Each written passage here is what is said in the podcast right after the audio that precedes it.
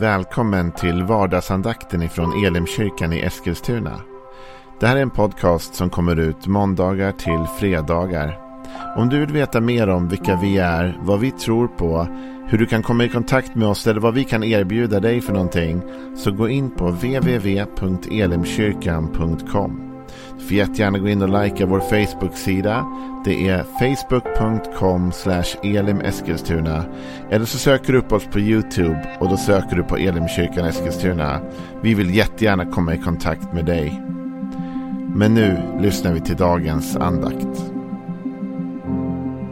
Välkommen till vardagsandakten. Det är tisdag och vi den här veckan tittar lite grann på Apostlagärningarna, det första kapitlet. Och några av de sista orden som Jesus talar till sina lärjungar innan han far upp till sin fader i himmelen. Jag tänkte att skulle läsa några av dem och så ska vi landa i en ganska viktig tanke idag. Så vi läser här nu från Apostlagärningarna, det första kapitlet. Och ifrån den sjätte versen kan vi läsa. När de nu var samlade frågade de honom Herre, är tiden nu inne då du ska återupprätta riket åt Israel? Han svarade dem det är inte er sak att veta vilka tider eller stunder som Fadern i sin makt har bestämt. Men när den helige Ande kommer över er ska ni få kraft och bli mina vittnen i Jerusalem, i hela Judeen, i Samarien och ända till jordens yttersta gräns. Jag talade igår om att vi ska få kraft. Eh, och att även om vi inte vet vilka tider, till och med säger Jesus att det inte alltid är sak att veta alla tider eller förstå hela tidsschemat eller tidsplanen. Men ni behöver veta detta att Gud har koll och att ni kommer få kraft. Och jag vill stanna upp lite grann igen faktiskt idag vid det där med kraft. För jag tror att det finns någonting mer att säga om det. Och det är att när, vad, vad menar vi när vi pratar om att du ska få kraft? Vad är det vi egentligen syftar till då? Jag vet inte om du har varit trött någon gång. Det borde du ha varit om du har stått inför någon vecka eller någon dag eller någon situation som har känts eh, besvärlig eller tung och så kanske du pratar med någon om det där eh, och så säger du så här men, eh, men jag ska orka det eller jag ska, jag ska hitta kraft till det eller jag ska, jag ska ta mig igenom det här. Det är inte riktigt det Bibeln talar om här. Bibeln talar på ett sätt inte här om att du ska hitta kraft eller orka eller ta dig igenom någonting som att det är du som ska klara det här. Och Det här är ganska viktigt tycker jag. Därför att det blir lätt ett lite snett fokus på de här bitarna. Det skeva eller det sneda fokuset det blir när vi tror att den kraften Gud talar om är vår egen. För du och jag, vi kanske inte har mer kraft än vi faktiskt har. Det kan faktiskt vara sant ibland att din och min kraft tar slut. Att det faktiskt inte finns mer i behållaren än vad vi redan har plockat fram eller försökt använda. Och så inser vi att bara, äh, men det går inte.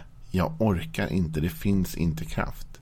Och om vi försöker pusha oss förbi de nivåerna själva då är risken att vi blir utbrända och trötta och att vi liksom går i väggen som många liksom gör nu för tiden. Så att när Jesus talar om att vi ska få kraft att härda ut så handlar inte det om att vi ska uppbåda mer kraft. Eller att vi ska hitta mer kraft i oss själva. Eller att vi ska omprioritera vår vardag för att hitta mer kraft och döda energibovarna. Och ni vet allt det här som vi ibland läser om. Det handlar inte om det.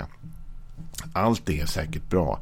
Men det är vad vi kan kalla för mänsklig vishet. Och den behöver vi väl alla ta åt oss. Det vill säga att lära oss att planera och lära oss att, att eh, hålla oss med den energi vi har. Och att, att arbeta utifrån det vi kan och den kraft vi har. Men det Jesus talar om här är en annan kraft som ska komma till oss. Han talar om att vi får kraft, men vi får inte kraft i oss själva eller av oss själva. Utan så här säger Jesus i, i eh, det vi läste nyss. Men när den helige ande kommer över er ska ni få kraft. Så här, här talar han om att ett, vi får kraft. Inte vi har kraft eller vi hittar kraft. Det är ganska viktigt det där när man säger så här, du kommer klara det här. Men det handlar inte om att du ska hitta kraft i dig själv. Eller att du ska hitta kraft i din omgivning eller i, i ditt arbete. Eller var du än hittar kraft. Det handlar inte om att du ska hitta kraft. Det Jesus talar om här är att du ska få kraft. Ett tillskott av kraft kan man säga. Kraft som du faktiskt inte har. Det handlar inte bara om en omprioritering av din energi. Utan det här handlar om att du får ett tillskott av energi. Du får extra energi som du egentligen inte hade. Du får extra kraft som du inte i dig själv har. Men som du får ta del av genom att Gud låter dig få del av den helige ande. Så den helige ande, säger Jesus, när han kommer till er, då kommer han med kraft. Och Det här är nog en av anledningarna till att precis innan det här så har Jesus talat med sina lärjungar Eh, eller vid, vid måltiden här och strax innan det vi har läst så har han sagt en annan sak och det är lite intressant. Han, om man läser från vers 4 då i, i samma kapitel så står det Vid en måltid med apostlarna befallde han dem Lämna inte Jerusalem utan vänta på vad Fadern har lovat, det ni har hört av mig. Johannes döpte med vatten, men ni ska om några dagar bli döpta i den helige Ande. Det här är superintressant och man kan nörda ner sig hur mycket man vill i bara de här eh, raderna. För det första är att Jesus säger lämna inte Jerusalem eh, utan vänta på det ni ska få. Det ni har blivit lovade. Ni ska få någonting först. Och Varför det är så viktigt är för hade lärjungarna gått ut och börjat där, vittna om Jesus eller, eller göra någonting, då hade de gått i egen kraft. Då hade de fått arbeta utifrån den förmåga de hade i sig själva, den kraft de hade i sig själva. Men Jesus visste att han gav lärjungarna ett uppdrag som var så mycket större än vad de hade själva kraft att klara av. Det är det du kommer upptäcka när du börjar vandra med Gud och du börjar försöka leva i någon form av kallelse för ditt liv så kommer du märka att alltså det känns som att jag är väldigt liten för det här uppdraget som Gud har lagt på mitt liv. Och det är så. Och det är så med flit. Du och jag är inte tänkta att klara av den utmaningen själva. Men vi är tänkta att bli beklädda med kraft för den uppgift vi har. Vi är tänkta att ta emot en gåva först som gör det möjligt för oss att utföra uppdraget. Så lämna inte Jerusalem, stressa inte iväg, vänta först på kraften. Och Det kan vara ett bud till dig och mig ibland. När vi känner oss trötta slut, när vi känner oss precis på gränsen av vad vi orkar eller klarar. Vänta nu, vänta på kraften. Stressa inte iväg, försök inte lösa det själv, försök inte hitta kraft i dig själv bara eller runt om dig själv, utan be till Gud om kraft. Och vänta tills du känner att den helige Ande börjar bekläda dig med kraft innan du ger dig ut och tar dig an vilken utmaning du nu än ska, ska ta dig an idag. Så vänta på kraften. Och låt Gud ge dig kraften. Visa honom att du vill ha den och att du behöver den. Johannes döpte med vatten, säger Jesus, men ni ska bli döpta om några dagar blir döpta i den heliga ande. Du vet, Johannes dop var ett omvändelsedop. Det här är väldigt intressant. Alltså. Johannes döpte till omvändelse. Eh, och Det innebär i princip att han döpte människor i vatten och sa till dem nu får ni göra om. och gör bättre, gör rätt. Vänd om, agera på ett annat sätt, omdistribuera era gåvor i er tid. Eh, gör på ett annat sätt. Den helige ande döper med eld och kraft. Den helige ande kommer med förmåga och kraft in i vårt liv. Det handlar inte längre om vad vi gör utan det handlar om vad den helige ande gör genom och i oss. Att vänta in kraften, att ta emot kraften. Vet du, vi läste i, igår i vardagsandakten från Jesaja kapitel 40 och tänkte läsa det igen. Bara eh, för att det kommer in i samma spår här. Då stod det så här.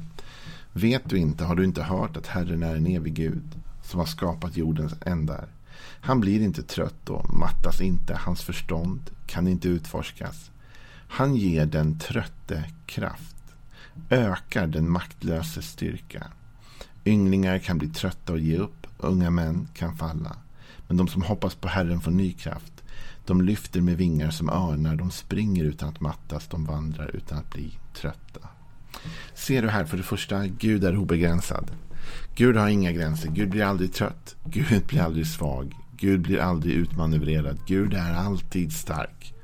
Gud är alltid liksom på topp. Va? Men vet du, så står det så här. Han ger, han ger den trötte kraft. Inte han låter den trötte hitta kraft i sig själv eller han låter den trötte få, få någon vila. Han ger den trötte kraft. Han ökar den maktlösa styrka. Ser du att här handlar det inte om att hitta, frigöra kraft. Här handlar det om att ta emot och få en ökad reservoar av kraft. Gud ökar den maktlöses styrka. Det vill säga den person som är maktlös. Och du kanske tänker så här, men jag är inte maktlös. Jo, men du kanske är maktlös inför din utmaning. Du kanske är en stark person egentligen. Smart person egentligen. Men nu har du hamnat i en situation som du inte kan reda ut. Du är maktlös inför det du står inför. Men Gud kan ge dig kraft. Han ökar din styrka. Eh, och det är därför vi måste vänta på kraft från Gud. Så min uppmaning till dig idag är detta. När vi talar om att, att du kommer greja detta för du kommer få kraft av Gud så är det så viktigt att vi förstår detta.